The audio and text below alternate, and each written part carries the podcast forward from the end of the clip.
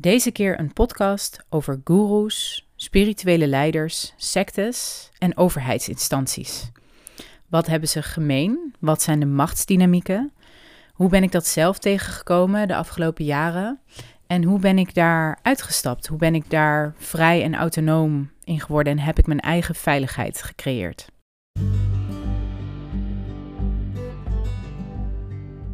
Je luistert naar de podcast over relaties, machtsverhoudingen, emoties en meer. Mijn naam is Nina Blessing. In mijn sessies, workshops en retreats help ik mannen en vrouwen hun volle potentie te leven ongeacht de omstandigheden. Wil je weten hoe je meer grip krijgt op je emoties, hoe je krachtig een conflict oplost of wil je meer weten over relatiedynamieken?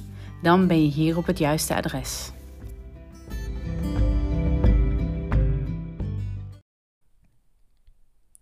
Er zijn op Netflix steeds meer series en documentaires te zien over goeroes en sectes en hoe ze ontmaskerd worden. Ikzelf heb in mijn loopbaan tot therapeut en al het innerlijk werk wat ik daarin heb gedaan, zij het van ayahuasca-reizen tot diep uh, psychologisch, therapeutisch werk tot lichaamswerk, heb ik ook een aantal ervaringen gehad die lijken op, nou ja, sectematige groepen, uh, guru-matige leiders en de dwang en machtsdynamieken die daarmee gepaard gaan. We leven nu in een tijd waarbij goeroes en nou ja, zulke machtsdominantie geen stand meer houdt en ook niet meer de bedoeling is. Ik zie het zo, als je een healer bent, een therapeut bent, dan is het de bedoeling dat je dat doet vanuit je mens zijn met alle kwetsbaarheden en imperfecties van dien. Maar er wordt natuurlijk wel wat verwacht van ons, ook door maatschappelijke maatstaven, dat we daar nou ja, perfect in moeten zijn. Maar dat kan helemaal niet. Ook heb ik ervaren dat juist bij overheidsinstanties, en dan heb ik het even over jeugdzorg, dat ook daar een bepaalde guru is, maar op een andere manier. Die komt vanuit de instantie en vanuit een groepscultuur, die overigens ook aanwezig is en in stand wordt gehouden bij sectes. En ik zie veel overeenkomsten uh, in de dynamieken. Alleen hebben ze gewoon alle, allebei een andere grondslag. Maar het gaat over dezelfde machtsverhoudingen. En in deze podcast wil ik je meenemen uh, hoe dat eruit ziet, hoe je het kunt uh, ontdekken en vooral ook de verwarring bij jou wegnemen. Dat wat je aanvoelt van hé, hey, dit klopt niet, dat dat waarschijnlijk klopt. En dat je daarop mag gaan vertrouwen en dat je daar dus ook grenzen in hebt te stellen. En grenzen stellen uh, in deze dynamieken is ontzettend moeilijk. Vanwege de enorme druk en machtsverhoudingen. Dan wel van de spiritual teacher, dan wel van de instantie, dan wel van de groepsdruk, dan wel van de angst die eronder ligt, die, die bij jou zelf voelbaar is, uh, waardoor je er niet van vrij kunt breken. Oké, het eerste voorbeeld wat ik voor je heb. Jaren geleden heb ik een intensieve training gevolgd van een aantal weken volle weken, vijf dagen, uh, vier keer per jaar, waarbij ik heel diep lichaamswerk heb gedaan. We hebben allerlei, uh, in een groep met ongeveer 20 mensen, met uh, ongeveer drie teachers, waarbij er eentje aan het hoofd stond en een stuk of tien assistentes per, per week. Dus dat is best wel veel support en begeleiding. Het is een behoorlijke groep waar je dan in zit. Heb ik diep lichaamswerk ervaren met uh, energetisch werk, met lichaamswerk, met uh, bioenergetica. Uh, volgens de leer van Alexander Reich, Alexander Leuven en Wilhelm Reich. En um, die, deze teacher die had ook bij Osho dingen gedaan. En die he, zij, zij was psycholoog en zij heeft eigenlijk een hele mooie vorm gegeven aan verschillende invalshoeken voor therapie waarbij zij dus het lichaam met psychologie en energetisch werk combineerde. Ik heb deze vier weken gevolgd en daarin baanbrekende ervaringen gehad voor mezelf. Waarbij ik echt tot de kern uitkwam in mijzelf. Ehm, en heel veel conditionering en heel veel overleefstrategieën heb kunnen loslaten en kunnen doorbreken. De krachtige container van deze groep, uh, zowel van de teachers als als de assistentes als de grote groep, die echt volgde wat er werd opgelegd. En dit was echt een behoorlijk intensief programma van half acht ochtends tot elf uur s avonds. Ehm, vijf dagen lang. Ehm, ja, het was, het was echt geweldig. Ik heb ervan genoten. Ik heb er ontzettend veel van geleerd. En ik ben heel dankbaar voor dat ik deze weken heb mogen doen en ervaren. Want ze hebben mijn leven veranderd. En toen kwam jaar twee. En in het tweede jaar ga je dan zelf als assistent in de groep aan de slag. Dus dan mag je begeleiden, dan mag je spaceholden. En dan help je mee de oefeningen te begeleiden in de groep die, nou, die je ook kent, omdat je die het jaar ervoor hebt gedaan. En in de pauzes tussendoor bespreek je dan met de teacher, heb je een soort evaluatiemomenten en nou ja, dan zie je de andere kant van het verhaal.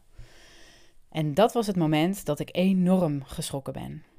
Toen uh, kon ik nog dieper zien en uh, ja, kreeg ik een kijkje achter de schermen van wat er eigenlijk gaande was. En wat er gaande was, was dit. De teacher die sprak zich heel negatief uit over sommige uh, mensen in de groep. Ik vond dat niet eervol, ik vond dat niet respectvol en ik vond het ook niet waardig voor de kwetsbaarheid die de deelnemers hadden in de groep. En ik aanschouwde het en ik voelde absoluut niet de ruimte om dat in te brengen. Dus ik, voel, ik zag ook ineens hoe ik en wij als assistentes klein werden gemaakt en gehouden met dingen die ze zei. En ik schrok daarvan. Ik had het voordeel dat ik in die tijd uh, zwanger was en dat ik me iets meer op de achtergrond begeven, kon begeven van de groep. En dat ik, um, nou ja, dat ik gewoon met sommige dingen ook niet mee hoefde te doen. En dat ik gewoon heel erg mijn ruimte kon innemen om dit allemaal te observeren. En die ruimte had ik ook nodig, want ik voelde van hé, hey, hier klopt iets niet. En ik zag dus hoe tegelijkertijd de, de lessen en de oefeningen fantastisch waren. En dat de groep echt hele mooie dingen ervaarde voor hun persoonlijke heling. En ik begon door te krijgen dat er ook een machtsstructuur gaande was waarbij de teacher, uh, sommige mensen in de groep, maar zeker ook in de assistentie, de mensen klein hield met opmerkingen die ze maakten, met dingen die ze verlangden. Uh, met, ja, met machtsdynamieken, um, met, ja, met eigenlijk klein maken, kleinerende opmerkingen en scherpheid. En die werden allemaal geaccepteerd. En ja, mensen waren er eigenlijk blind voor dat ze dat deden, want ze dachten, oh, ik doe, die, hè, die zochten het allemaal bij zichzelf. Ik doe het niet goed, ik moet het beter doen, ze is niet tevreden over mij en dus ga ik nog harder rennen voor haar. En ze hadden dus helemaal niet door dat ze dan eigenlijk van zichzelf verwijderd raken en niet in hun kracht stonden. En ik zag hoe daarmee. Um, en, ik weet niet, dit kan best wel ook een hele grote blinde vlek zijn van die teacher, dat het helemaal niet haar bedoeling is. Maar ik zag wel hoe dus, uh, als je een guru hebt of een, een, een cultleider of een cult, dan, dan voedt de leiding, de, de baas, zeg, zeg maar, zeg met de energie van de groep. En dan staat hij erboven en dan is die beter dan de rest. En dat is heel erg wat speelde hier. Nou, ik aanschouwde het en ik voelde van ik wil hier niet meer bij zijn bij deze groep. Dus ik heb die week afgemaakt en mijn deel daarin bijgedragen. Maar, uh, en gelukkig viel dat dus, kijk, kon ik die ruimte dus makkelijk innemen door mijn zwangerschap. Maar als ik niet zwanger was geweest, dan had ik het wellicht geconfronteerd. Of dan was het moeilijker geweest om de ruimte te nemen die ik nodig had om bij mijn eigen integriteit te blijven. Nou, ik heb dus, ik ben daarna uh, niet meer mee gaan doen. Ik ben, ik ben niet meer verder gegaan met het assisteren. En um, ik heb ja, tijd nodig gehad om daarmee te zijn. En ook, ik was een tijdje heel erg boos op de teacher. Van, het voelde als verraad. Van hoe kun je nou zo doen tegen de groep terwijl je aan de voorkant je heel anders presenteert. Maar voor mij was het een heel groot geschenk om dit door te hebben. Want uh, doordat ik het zag en doordat ik het voelde en doordat ik mijn eigen grenzen kon voelen en die ook eerde, uh, nam ik eigenlijk volledig mijn ruimte in en mijn kracht. en ik voelde gewoon dat zij met hoe de opzet was in de groep en hoe de opzet was in de uh, training en, en hoe zij het deed, dat er geen ruimte was voor mij om dat te confronteren. Om twee redenen. Omdat zij dan waarschijnlijk zou deflecteren en het zou omdraaien en het bij mij neer zou leggen en me daar weer klein mee zou maken. En dit is dus een soort molen waar je dan in komt van zelftwijfel. En oh ja, ik moet harder aan mezelf werken. Ik heb nog blinde vlekken en ik doe het niet goed. En daar kan je heel lang in blijven hangen. En zelfs al heb je al je lessen al geleerd, heb je al mooi transformaties doorgemaakt en ben je eigenlijk veel verder dan je denkt. Maar dit soort dynamieken houden je dan klein en houden je in een oud patroon van afhankelijkheid, waarbij je vaak dan je moeder of je vader projecteert op de teacher. En dan blijf je dus in die, in die patronen hangen. En, en dat was nou juist niet de bedoeling ook kon ik voelen dat als ik het zou confronteren, dat de groep, en zeker de assistentengroep, zich dan tegen mij zou keren. Want zij zaten nog in die illusie. Zij zaten nog wel in de, uh, in de overtuiging dat dit klopte en goed was. En als ik daar tegen in zou gaan, dan hè, dat mensen uh, willen graag de waarheid verbloemen en onder tapijt vegen, omdat ze, uh, als ik het zou confronteren, dan moeten ze zelf ook in hun kracht stappen. En dan moeten ze dat stuk ook zelf aankijken. En dat is vaak heel pijnlijk, want het is comfortabeler om in die dynamiek te blijven. En ik begrijp heel goed dat bij sectes en, en hè, ook van die spirituele leiders, dat het dan comfortabel is om gewoon volgzaam te zijn. Want dan hoef je niet in je kracht. Dan hoef je dus. En weet je, in je kracht stappen betekent ook je verantwoordelijkheden nemen. En dan hoef je dat dus niet te doen. Dus het is een, een soort agreement waarbij het comfortabel is voor beide partijen om een bepaalde rol aan te nemen. En op die manier ook mooie dingen met elkaar te, te ervaren. En een soort van, ik, uh, ja, ik hoor erbij, uh, saamhorigheid te ervaren. Maar uiteindelijk is het nep. Is het niet gebaseerd op universele, onvoorwaardelijke liefde. Maar op een afhankelijkheidsrelatie van jij doet iets voor mij. En als je het niet op die manier doet, dan keur ik je af. En dan zeg ik je, je moet meer innerlijk werk doen of je moet daar nog eens uh, naar kijken. Uh, jij doet het niet goed, waardoor je ja, eigenlijk, je kunt zelfs geretraumatiseerd worden. Um, en um, ja, dan blijf, dan blijf je dus in die, in die loop van uh, des, ja, illusie van dat je, dat je dus niet krachtig bent en dat je haar nodig hebt of, of je, je spirituele teacher nodig hebt en dat je zonder diegene niet in je kracht staat. Nou, de tijd verstreek en, en ik bleef wel contact houden met een aantal mensen uit die groep. En op een gegeven moment uh, was er een andere vrouw die ook daaruit brak, die ook zag van hé, hey, dit klopt niet. En het mooie was dat wij er heel mooi over konden delen. En uh, dat ik toen ook tegen haar kon zeggen: Ik zag het toen al, maar ik kon het niet tegen je zeggen, want je had het waarschijnlijk niet geaccepteerd. Uh, en dat kon zij ook heel goed, daar kon ze goed inkomen en ze, kon, ze zag dat. En eh, dit maakt het dus heel moeilijk. Hè? Je kunt iets zien en je dan terugtrekken in je grenzen stellen, maar niet iedereen zal dat begrijpen, omdat zij nog in die wolk zitten, in die bubbel. En als je dat kenbaar zou maken, dan zou, de, zou die bubbel breken. En dat kan heel veel chaos en heel veel conflict opleveren, omdat mensen dus niet uit die comfortzone willen. Nou, fast forward, of na de jaren daarna, ik had veel te maken met jeugdzorg. En het interessante van jeugdzorg dat is natuurlijk even iets heel anders. Dus een overheidsinstelling, betaald door de overheid. Maar ik kon voelen en merken dat in die instellingen eenzelfde soort dynamiek uh, gaande was. Waarbij er ongeschreven regels waren uh, die je wel had te. Uh, nou, waar je wel aan had te houden. Want anders zou dat aantekeningen, aantijgingen naar jou betekenen op papier en met zelfs gevolg in de rechtbank. Hoe dat er voor mij uitzag, is dat als ik grenzen stelde, hè, dit gaat, het gaat altijd over grenzen.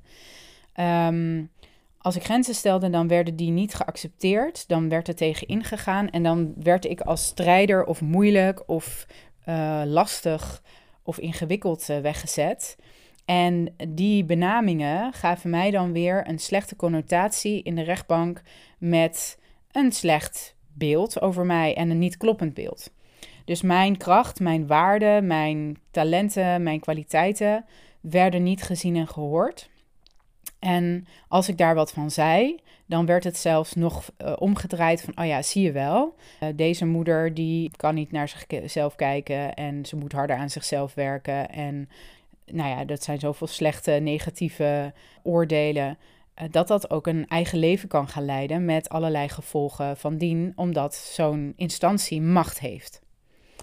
En als je machtig bent, of je nou een teacher bent of een, een uh, leider of een, bij een instantie werkt, die macht uh, is niet rein of niet, niet zuiver als er niet Als grenzen en feedback niet kunnen bestaan, maar tegen je worden gebruikt, dan moet je opletten. Dat geldt in een relatie, maar dat geldt dus ook zeker met instanties en met uh, groepen, uh, bijvoorbeeld waar innerlijk werk wordt gedaan of, of spiritueel werk. Nou, ook hier aanschouwde ik het en ik heb op een gegeven moment heel veel uh, stappen moeten zetten om toch bepaalde grenzen te stellen die gewoon nodig waren. En uiteindelijk is dat gedraaid, maar um, het is heel lastig, want je hebt met individuen te maken die op zich het beste voor hebben en ook een goed hart hebben en die, hè, die hele goede bedoelingen hebben. Maar omdat ze in die bedrijfs- of die, die, die instantiecultuur zitten, massapsychologie noem je dat, is er een bepaalde norm. En omdat de instantie die draagt, ben je dan als individu gevrijwaard van de moraal, dus van de morele ethische last die je kunt voelen in je lichaam, bijvoorbeeld schuldgevoel of schaamtegevoel van hé, hey, dit kan niet, uh, omdat de instantie zegt het kan wel. dus je kunt als medewerker bij een instantie met onethische dingen wegkomen, omdat je instantie vindt dat het goed is. En omdat je zo ja, automatisch daarin meegaat en omdat, het zo, omdat er zoveel macht ook in ligt, denk je van nou, je denkt er niet meer over na en je kunt het ook niet meer voelen in je lichaam. En als er dan, ja, dan iemand komt zoals ik die dan zegt, hé, maar dit klopt helemaal niet. Ja, dat schudt zoveel op. Dat kan tot heel veel weerstand leiden en onbegrip, omdat ze zelf niet in de gaten hebben in wat voor een bubbel ze zitten en dus niet voelen of iets wel of niet ethisch is. Wat daar dan ook weer bij komt kijken, is dat ze ergens diep van binnen wel weten dat het niet ethisch is en dat het niet klopt en dat het ook niet overeenkomt met hun integriteit. Maar dat is weer een heel proces om te doorlopen, om daarin ook weer keuzes te maken en grenzen te stellen of eventueel weg te gaan bij de organisatie. En hè, dat is innerlijk werk, dat is persoonlijke groei. En niet iedereen kan dat, of niet, nog niet iedereen is daar. Ik ben ervan overtuigd dat dit een van de redenen is waarom er zoveel mensen bij jeugdzorg weggaan. Omdat ze op een gegeven moment gewoon voelen: hé, hey, het klopt niet meer en ik kan hier niet blijven werken. En ik kan in de organisatie mijn grenzen niet stellen of mijn visie niet delen. Die wordt niet ontvangen omdat die bubbel van ja, valse integriteit en onethische handelingen in stand wil worden gehouden, omdat dan de macht in stand wordt gehouden. Dit gaat allemaal over gelijkwaardigheid en ongelijkwaardigheid en elkaar zien als mens en, uh, en leren van elkaar, maar, maar met heel veel oordeel en, en projecties en, en ja, um, machtsverhoudingen is dat gewoon heel moeilijk. Dus dat was een ander voorbeeld. En dan kom ik uit bij een, echt een prachtig voorbeeld. Ik was uh, een tijd geleden, nou, ik denk een paar jaar geleden, was ik bij een retraite. Een weekend lang ayahuasca uh, reizen gingen we maken. En dit was op een landgoed ergens. En we zaten in een jurt. En eh, het was zelfs zo dat je je sleutels, je autosleutels en je telefoon in kon leveren of in moest leveren, zelfs vooral de telefoon, zodat niemand op zijn telefoon was het hele weekend. En op zich vind ik dat een mooi, mooi principe hè, van hé, hey, we gaan gewoon niet op de telefoon, um, want uh, we zijn met andere dingen bezig, dus even geen afleiding. En we begonnen aan het, uh, aan het weekend en nou, ik heb me echt zitten verbazen. Er was zoveel groepsdruk um, dat er um, grensoverschrijdend werd gehandeld. En de eerste avond gingen we dus de ceremonie in en dronken we ayahuasca. En er was ook rapé. En rapé is een soort um, ja, poeder gemaakt van, als ik me niet vergis, tabak en as van een bepaalde boom die, die je dan uh, in je neus geblazen krijgt. En dat geeft een soort alignment effect in je lichaam. En dit, ik vond het vrij heftig en ik, ik, wil, ik wist eigenlijk niet of ik dat wel wilde, want ik kwam voor de ayahuasca en niet voor de rapé. Maar goed, ik dacht, oké, ik ben hier en ik ga het proberen. En ik kreeg dat toegediend. En ik, uh, dat gaat dan eerst in het ene neusgat en dan in het andere. En ik voelde na de eerste blow van wow, ik moet dit even verwerken. Dus ik nam even de tijd. En degene, de groepsleider, die gaf, zette druk op mij van ja, je moet wel gelijk door met de volgende. En ik, ik zat echt van wow, wacht even. Geef me even de ruimte. Ik zit hier, ik ben bereid om het te nemen, maar wel in mijn eigen tijd. En zij trok dat niet, dus zij wilde over me heen walsen. En dus we kwamen in, in een dynamiek terecht, een power play, waarbij ze door mij heen brak. Dus ik eh, ontving de tweede rapé en ik was helemaal gevloerd daarna. Ik ben zo ziek geworden, uh, omdat ik over mijn eigen grenzen heen was gegaan. Dat was gewoon heel duidelijk wat het medicijn mij vertelde. En ik heb toen, ik heb me toen zo onveilig gevoeld uh, in die ceremonie, in die ayahuasca-reis dat ik gedurende de hele reis kreeg ik allerlei beelden. En, en uh, ik zag ook dat ik in mijn eigen controle stuk zat waar ik doorheen had te breken. En dat gebeurde dus ook, want ik ging in full surrender, al kotsend en kruipend over de vloer. Ik kon helemaal niets meer. En het was heel fijn hoe de groep mij hielp, uh, mij verzorgde en ervoor zorgde dat ik uh, gewoon lekker kon gaan slapen. Dus dat was heel mooi. Maar ik werd wakker op een gegeven moment en ik dacht echt, ja, wil ik hier wel zijn? En eigenlijk had ik de hele ceremonie zitten denken, ik moet weg, want dit klopt niet. En volgens mij vertelt ayahuasca mij dat ook, maar ik weet het niet. Dus ik zat precies in die verwarring van, hey, uh, ligt het nou mij of ligt het aan haar? Is het hier onveilig of voel ik mij onveilig nu in een stuk wat geraakt wordt bij mij en heb ik daarmee te dealen? Nou, dit is echt de klassieke verwarring uh, waardoor hè, in dit soort situaties, en dat nogmaals, dat kan in een relatie zijn, dat kan met een instantie zijn, dat kan op je werk zijn, dat kan uh, in een spiritual uh, teacher setting zijn. Um, dat je dus niet weet van, ligt het aan mij dat ik me niet veilig voel, of ligt het aan de groepsetting en de dynamiek in de groep en de teacher die geen veilige setting creëert? Want en ik dacht dus echt van ja, goh, hoe ga ik hier weg? Want ik kan hier niet blijven. Dit is niet goed. Hoe ga ik aan mijn autosleutel en aan mijn telefoon komen zodat ik hier weg kan? En toen de volgende dag gingen we overdag een integratiecirkel doen waarbij we gingen sharen met elkaar wat er speelde bij iedereen. En in die cirkel heb ik, ben ik achterover gaan leunen en ben ik gaan observeren van wat gebeurt hier nou en hoe voel ik me daarbij? En kan ik mijn eigen veiligheid creëren in deze setting? Ook al is deze ceremonie op deze manier gegaan en was dat heel heftig voor mij.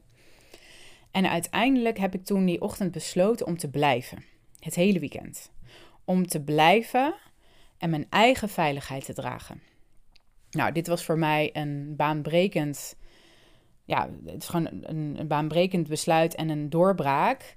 Omdat ik eigenlijk zoveel ruimte voor mezelf had gecreëerd om daarbij te kunnen zijn. dus in vergelijking met het andere voorbeeld wat ik als eerste gaf bij die uh, innerlijk werktraining, daar voelde ik echt van ik moet weg, want ik kan hier niet zijn. En nu koos ik ervoor om te blijven en mijn grenzen in te brengen en te honoreren. Dus ik, ik had afgesproken met mezelf, ik ga geen rapé meer doen. Ik kom voor de ayahuasca en dat ga ik doen. En ik ga daarin berusten. Dus ik ga de spanning en de angst die ik voel in mijn lichaam, dat, ik dat, dat dat niet goed genoeg zou zijn, of dat dat niet zou mogen, of dat er meer van mij verwacht wordt, ga ik uitzitten en ik ga daarbij blijven. En die confrontatie ga ik aan als het nodig is. En dan blijf ik daar ook bij. En dat is dus best moedig besluit om in de groepsdynamiek of in de, en in de ja, druk die ik voelde bij de teacher, um, om dat te beslissen. Want maar ook, ik wilde ook onderzoeken van, hey, uh, is het waar? Kan, zij misschien ook wel net zo goed accepteren dat ik die rapé niet neem? Dat kan natuurlijk ook, hè? Dus uh, wat is wat? Ligt de veiligheid bij mij of bij haar? Nou, het bleek allebei te zijn. Dus dit proces uh, gaf aan hoe ik mij door andere en instanties en de machtshebbende autoritaire personen of instanties laat overrijden door een, uh, zoals door, ja, het voelt als, alsof je door een vrachtwagen overreden wordt. En dat je dat gewoon toestaat, dat je dat prima vindt, dat je dat zegt, ja oké, dat is wat jullie doen. En als ik het niet toelaat, dan ben ik niet goed genoeg. Dus I better allow it. En uh, dat was dus ook precies het thema waar ik doorheen mocht breken en uit mocht breken, zodat ik nog meer in mijn kracht kwam en dat weer uh, mocht integreren in mijn leven. En dat, ja, dat zou heel veel, dat wist ik toen nog niet, maar ik voelde wel van hé, hey, dit is een belangrijk iets. Het geeft me, eigenlijk geeft deze ervaring mij precies wat ik nodig heb om ook in mijn leven stop te kunnen zeggen. Tegen mensen die over me heen willen walsen vanuit machtsverhouding. Dus ik bleef en ik ging aanschouwen wat er gebeurde. En ik had mijn schrijfboekje mee en ik heb heel veel dingen opgeschreven die er gezegd werden. En, en ik begon steeds helderder te zien van, hé, hey, maar dit klopt niet. daar daarbij moet ik zeggen dat er ook hele mooie dingen gebeurden, hele rake dingen. Er werden hele mooie dingen geshared en er werden hele mooie reflecties gegeven van de groep naar elkaar toe, die heel waardevol waren, heel diep, heel krachtig en waar ik van heb genoten. Dus dat was er ook. En wat er ook was, is dat de leider, eh, die vrouw, die dus ook de ayahuasca-ceremonie had geleid, uh, zij deed dat samen met haar partner, maar zij was echt in de lead. Zij uh, vertelde op een gegeven moment een verhaal waardoor voor mij alles op zijn plek viel. Dat ik dacht, ja, nu snap ik het en nu doorzie ik wat de dynamiek is en waarom je handelt zoals je handelt, wat de groep niet dient, wat het onveilig maakt. En het verhaal was, wat zij vertelde was als volgt. Ze vertelde dat ze zes, zeven jaar was en dat ze vanuit school uh, naar huis moest uh, lopen. Vanuit, um, ik denk de zeven jaar of zeven, acht jaar. Uh, ze vertelde dat ze 7, 8 jaar was en dat ze vanuit school naar huis liep. Um, en dat ze op de weg naar huis iedere keer weer werd lastiggevallen door um, een aantal jongens die haar pesten en die haar in elkaar sloegen. En toen ze thuis kwam, was het natuurlijk helemaal gebroken. Um, en zij werd niet liefdevol ontvangen door haar moeder, maar meer zo van: ja, ben je nou weer in elkaar geslagen? Wat ga je eraan doen? Weet je, ik wil gewoon niet meer dat je huilend thuis komt. Zo werd ze ontvangen. Haar vader was afwezig. Haar moeder reageerde zo. En uh, wat ging zij doen? Zij dacht op een gegeven moment: oké, mijn moeder wil niet meer dat ik zo thuis kom. Dus ze voelde de enorme druk van, uit haar moeder: van ik doe het niet goed. En ik moet er iets aan doen. Uh, en dus wat is ze gaan doen? Ze is op een gegeven moment eerder vanuit school vertrokken. Dus ze heeft de klas iets eerder verlaten dan dat de school uit was. En heeft een andere route genomen. En toen kwam ze niet meer huilend thuis. En was haar moeder blij. En zij, hè, zij die dit vertelde, zij vertelde dit alsof dit de triomf was. She, she said, uh, you just gotta be faster and smarter. Hè, dan kun je er doorheen breken. En toen dacht ik, oh nee, nee, nee, helemaal niet. Want als je als 7, 8-jarig meisje wordt mishandeld, daarin niet wordt gespoord en gesteund door je ouders, maar tegen je wordt gezegd van dat je lastig bent omdat je met al die emoties en pijn en verdriet thuiskomt, dan kun je niet jezelf zijn, dan kun je niet in je kracht zijn uh, en dan ga je overleven. And that is exactly what she did. Dus ze Um, ze, ze, had op zich een hele goede strategie om die jongens te ontlopen. Maar hoe het had mogen zijn, is dat haar moeder of vader of allebei naar de school was gegaan of mee was gaan lopen of die jongens had geconfronteerd en nou houden jullie op. En dat ze dat meisje hadden getroost en in haar armen had genomen en had laten zien van hé, hey, ik ben er voor je en dit is niet oké. En ik sta achter jou. Dat is echte liefde en dat is echte heling. En dan had zij kunnen verzachten en openen en had ze zich veilig gevoeld. Maar vanuit deze traumatische gebeurtenis had dus deze teacher een overtuiging gekregen van I just gotta be faster and smarter than everybody else and then I can survive. En dat was dus ook precies wat deze teacher van iedereen verwachtte in de groep. To be smarter and faster en um, heel gedisciplineerd, maar er was weinig ruimte voor echte kwetsbaarheid. Want echte kwetsbaarheid is juist huilen, breken, daarin ontvangen worden, geliefd worden en voelen: hé, hey, het mag er zijn. En nou ja, dat anderen dus ook voor je opkomen. En dat dat er ook mag zijn. En dat je niet alles alleen hoeft te cheffen en te regelen. Want dat maakt, dat maakt je hard. En dat maakt je in een controlestand. En dat maakt je verkrampt.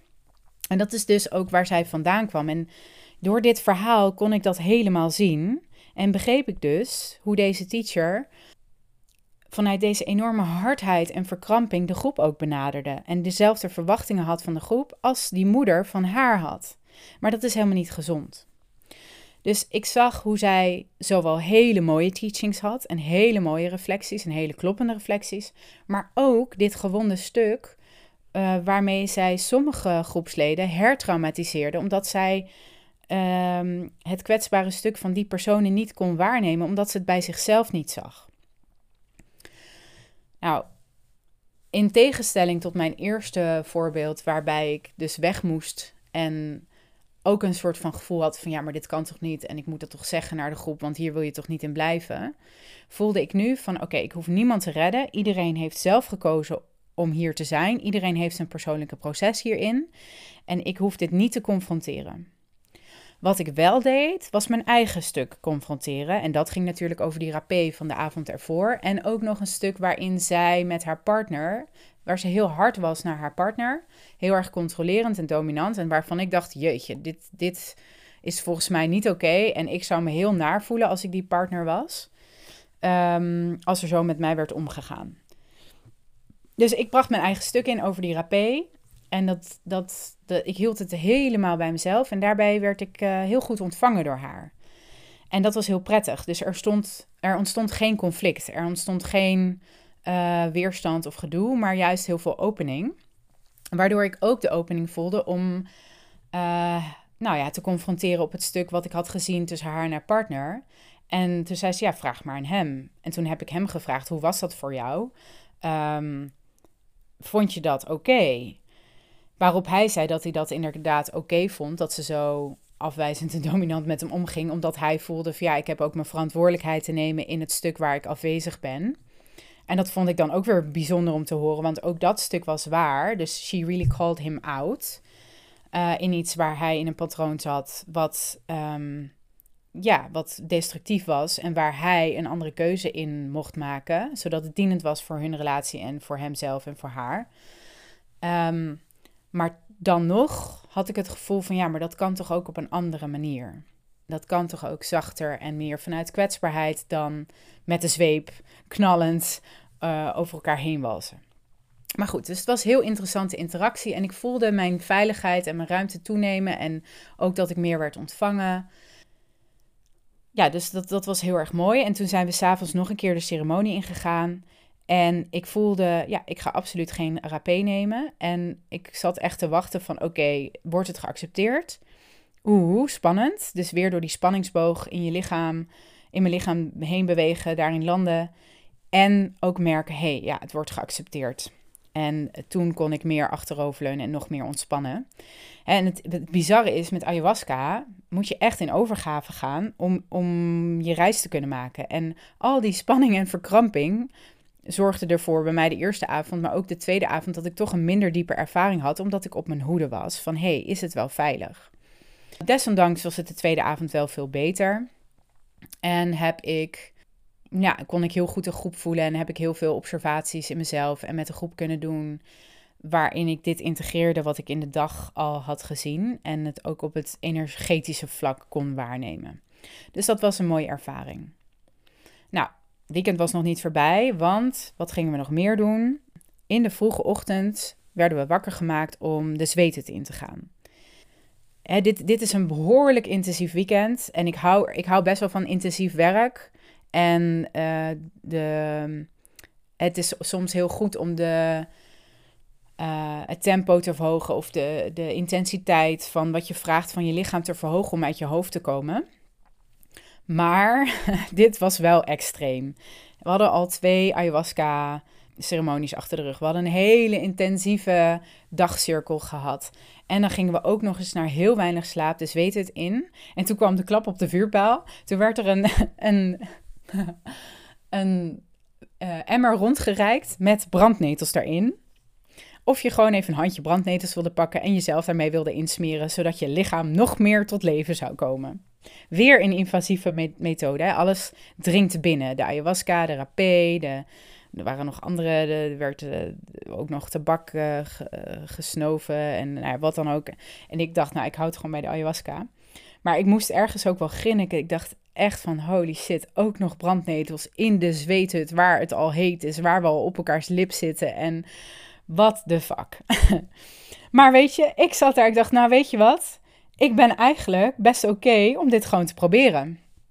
En mijn, uh, mijn intrinsieke keuze om dat gewoon vanuit mezelf te doen, zonder, hè, je zit in het donker, dus niemand ziet of jij dat wel of niet doet. Dus je kunt hem ook gewoon aan je voorbij laten gaan, zonder dat iemand dat doorheeft. Maar ik voelde, nou weet je, ik ga het gewoon doen. Dus ik nam die brandnetels en deed dat over uh, mijn lichaam. En ik dacht, wauw, dit is eigenlijk best wel een bijzondere ervaring. Dus nu kies ik er zelf voor, voor iets invasiefs. En ben ik er niet mee in weerstand. En kon ik daar dus ook het medicijn van ontvangen. En voelen van, hé, hey, inderdaad, mijn lichaam gaat nog meer uh, aan, levend, openen. Uh, terwijl ik ook gewoon in mijn buik ben, in, in mijn gronding en bij mezelf ben. Dus dat was een mooie ervaring. Nou, toen, ik weet niet meer of we daarna nog gingen slapen of denk het wel.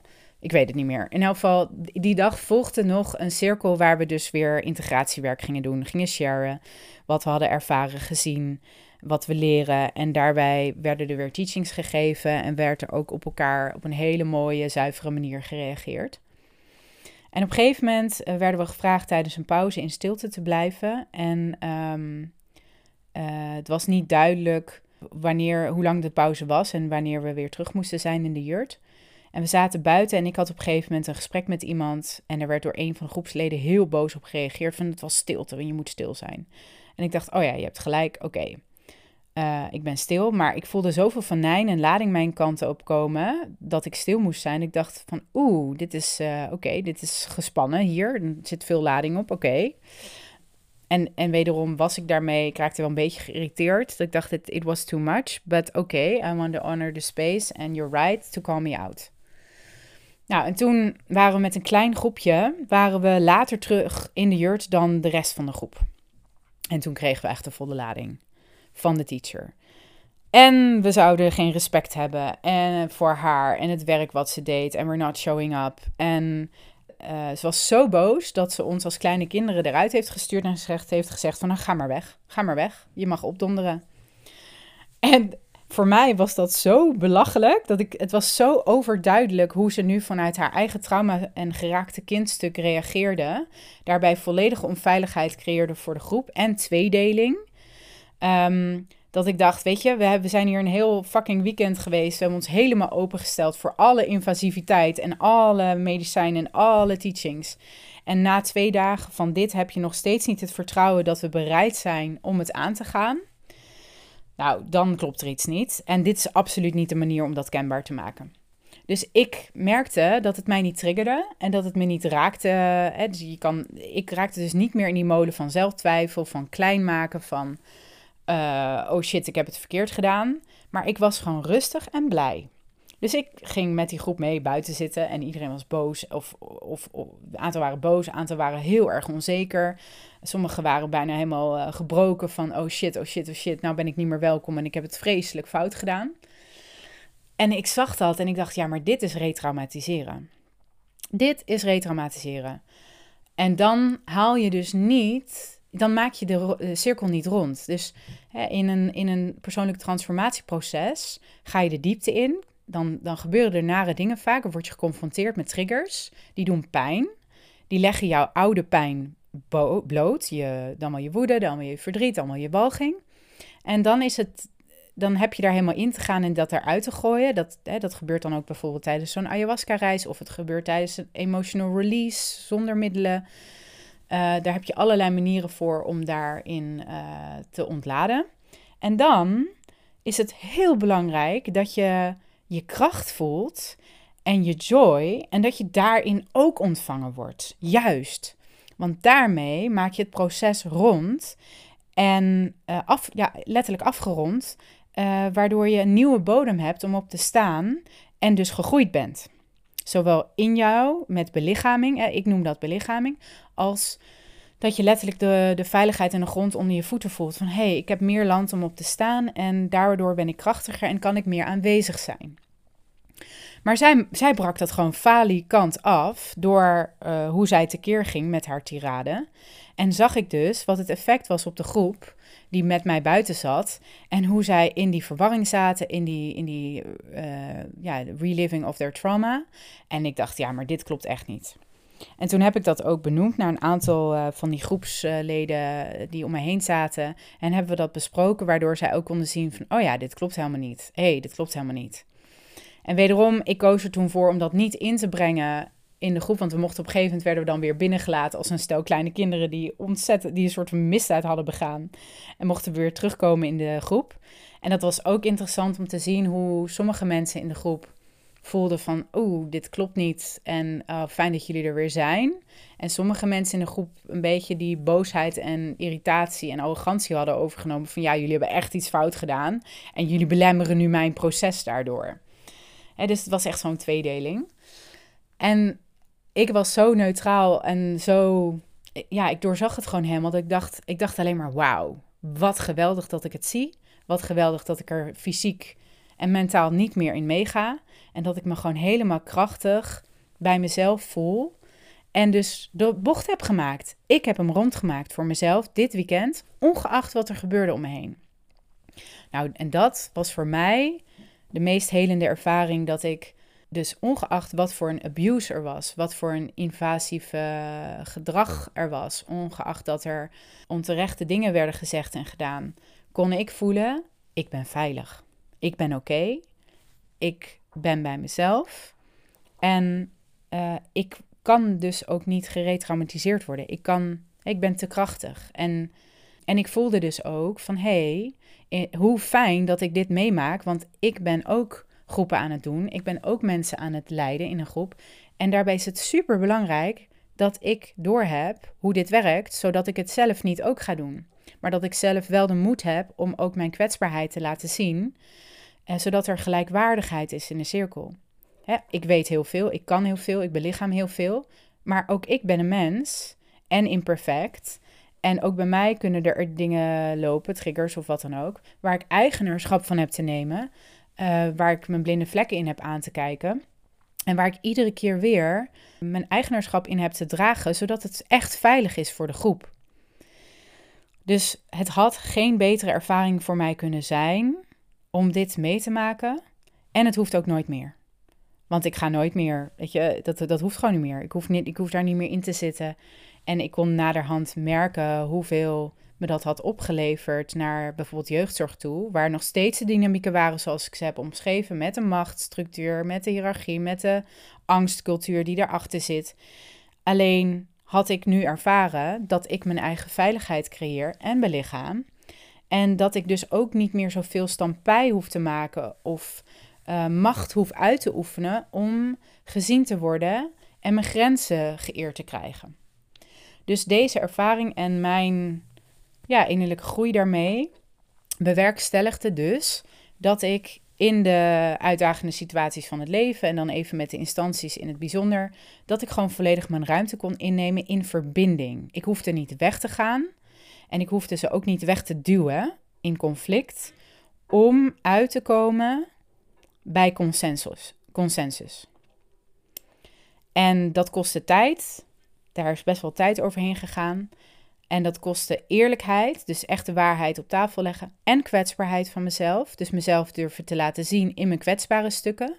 En omdat ik daar helemaal oké mee was, om daarin ontvangen en gezien te worden, werd mijn buitenbeeld, dus de, de omgeving, ging daar dus ook zo op reflecteren. En dat heeft heel veel goeds teweeggebracht. Totdat ik gewoon in volledige consensus en harmonie en verbinding met deze instantie kon zijn. Nou, als je me dat een paar jaar geleden had gezegd, dan had ik je never nooit geloofd dat dat mogelijk is. Dan had ik gezegd, de hele instantie moet veranderen voordat dat kan. Maar dat hoeft niet, want je hebt een verbinding met de mensen in de instantie. En als jij verbonden bent met jezelf, met je kwetsbaarheid, met je kracht, jezelf daarin mag en kan ontvangen, dan kan de ander om jou heen dat ook. Want dat is waar je voor gaat staan dan. En dat levert alles op. Dat is, dat is gewoon waanzinnig dus wat ik concluderend zou willen zeggen over cults en secteleiders en goeroes en hiërarchische structuren en instanties is we leven in een tijd waar we dit aan het uitkristalliseren zijn, waar we deze ervaringen ook meemaken om te groeien in onze kracht en kwetsbaarheid en juist uit de dualiteit kunnen stappen. En dit soort ervaringen zijn niet leuk, ze zijn heftig, maar ik hoop dat je aan de hand van deze podcast het inzicht hebt gekregen hoe het werkt en hoe jij daarin kunt bewegen. En hoe jij ja, ook hulp mag vragen en op weg mag gaan om uit die verwarring te stappen. Want die zelftwijfel maakt het het allerergst. Hè, dus een klap krijgen is, is niet leuk, is natuurlijk naar. Maar als vervolgens iemand zegt, Nee hoor, dat was geen klap, klap dat is liefde. En als je daarover gaat twijfelen of die persoon gelijk heeft en jij niet, dat is nog vele malen erger. Dat is, die verwarring maakt het het allerergst. En dit is een simpel voorbeeld, maar dit, dit geldt voor zoveel zaken in relaties, uh, in, in jeugdproblematiek. Uh, je, heel veel mensen hebben nare dingen meegemaakt. En de verwarring of dat wel echt zo naar was. Of dat ze het gewoon hadden moeten nemen en slikken. En dat ze daar geen grens in hadden mogen stellen. Dat ze daar niet boos over mogen zijn. Dat ze daar niet verdrietig over mogen zijn. Dat maakt het vele malen erger. En daartoe wil ik je echt uitnodigen om. Je gevoel heeft heel vaak gelijk. En woede en verdriet moet er gewoon uit. Laat dat toe. En zie het als dat is nu en zo meteen is het weer anders. Dus blijf er ook niet in hangen. En dat werkt beter als je het oordeel erover loslaat. Waarbij de verwachting van de buitenkant, van de buitenwereld dus vaak is dat het er niet mag zijn. Zelfs, en misschien zelfs zeker in de spirituele community, in, de, in, de, in de maatschappij is dat al veel meer bekend en duidelijk. Maar het is overal. Het is aan beide kanten. Het is zowel in de spirituele community met licht en liefde wat er allemaal niet mag zijn. En het is in de maatschappij waar je gewoon je normaal moet gedragen en niet te emotioneel, want dan ben je labiel, et cetera. Of niet te veel grenzen stellend, want dan ben je lastig. Ja, twee kanten van dezelfde medaille in twee structuren waar die ons uitdagen werkelijk naar onze kracht te gaan. Ja, ons hart te openen voor onszelf in eerste instantie en vervolgens ook voor de ander. Wat ik nog wil zeggen over de teachers die ik ben tegengekomen en ook over de mensen in de instanties, is dit. Je zou namelijk kunnen zeggen van, oh wat erg, en ze mogen dit werk niet doen, en wie denken ze wel niet dat ze zijn, en uh, dat moet direct stoppen. Ik ben absoluut van mening dat het gedrag wat ik heb beschreven moet stoppen. Dat dat anders moet en kan ik ben ook van mening dat ik waanzinnige ervaringen heb gehad. Zeker bij de eerste, het eerste voorbeeld wat ik gaf, die weken, die trainingsweken die ik heb gehad. En dat had ik voor geen goud willen missen. En die waren subliem. Die waren echt subliem. Dat er dan achteraf bleek ook dingen niet te kloppen. En dat sommige mensen daar nog steeds in zitten, dat vind ik moeilijk. En dat doet me pijn. Maar ik weet ook, het is ook aan hun om daar weer uit te breken. En ik hoop daaraan bij te dragen door dus dit verhaal te vertellen, zodat het zichtbaar wordt. En ik heb dat al langer willen doen, maar ik voelde ook van ja, het, het is te spannend, te, te kwetsbaar om het te doen. En nu pas voelde ik het moment, ja, nu kan ik dit delen. Omdat ik de compassie heb ook voor de teachers, dat zij mensen zijn. En dat zij ook fouten maken, waar ze zeker eigenaarschap van hebben te nemen. Maar then when they do that, als ze bereid zijn om dat te doen en als ze bereid zijn om zichzelf uh, onder de loep te nemen, onder ogen te zien en dat in verbinding te brengen met de groep en de mensen om hen heen, dan is dat het aller, allermooiste wat er kan gebeuren. En dan vraagt dat ook om vergeving en compassie en liefde. Alleen, en dat geldt ook voor de instanties met jeugdzorg, um, want alleen op deze manier kan er werkelijke verbinding ontstaan en kunnen we uit de dualiteit ja, ik kan niet omschrijven hoe dankbaar ik ben voor deze ervaringen. Dat ik weet, dit is essentieel voor het leiden van groepen, voor het dragen van diep innerlijk werk, waarbij gewoon zoveel kwetsbaarheden naar boven komen, die ook je eigen kwetsbaarheden kunnen, dragen, uh, kunnen uh, raken. En waarbij je altijd de verantwoordelijkheid draagt voor jezelf. Eh, ultimately is dit de ja, de ultieme uitdaging om uit je slachtofferschap te stappen. You are never a victim, but a powerful being that can say yes or no and hold your ground in verbinding. En dan tot slot nog het volgende. Ik denk een van de belangrijkste zaken uh, als je healer bent, therapeut of met mensen werkt in hun persoonlijke groei, is het besef dat ze op een gegeven moment, of dat het aller, allerbelangrijkste wat je doet eigenlijk is dat je ervoor zorgt dat ze op eigen benen kunnen staan en dat ze je niet meer nodig hebben. Dat is echt hoe ik wil werken. Dat mensen in hun volle kracht komen en dat ze mij zelfs met hun kennis en kracht en, en kunde overstijgen of hè, dingen kunnen die ik niet kan, maar die wel tot expressie zijn gekomen en blijven. Het kan dus best zijn dat iemand op een gegeven moment klaar is bij jou. Dat je alles hebt gegeven, geleerd aan diegene wat je te brengen hebt. En dat het dan tijd is voor die persoon om verder te gaan. Uh, erkennen dat iemand uitgeleerd is bij je is prachtig. En dat kan in de toekomst wellicht weer veranderen als jij ook weer nieuwe dingen belichaamt of geleerd hebt. Het is goed voor mensen om hun eigen pad te gaan en de autonomie te hebben om hun eigen pad te kiezen. Ja, voor mij is het het aller, allermooiste als mensen dus ook zelf voelen van, oh ja, ik heb je niet meer nodig, want ik heb geleerd wat ik moest leren en ik belichaam nu wat ik heb geleerd. En daardoor kan ik het in de praktijk ook brengen. Dus tot zover mijn stuk over healers, gurus, spirituele leraren en instanties. Heel veel liefs.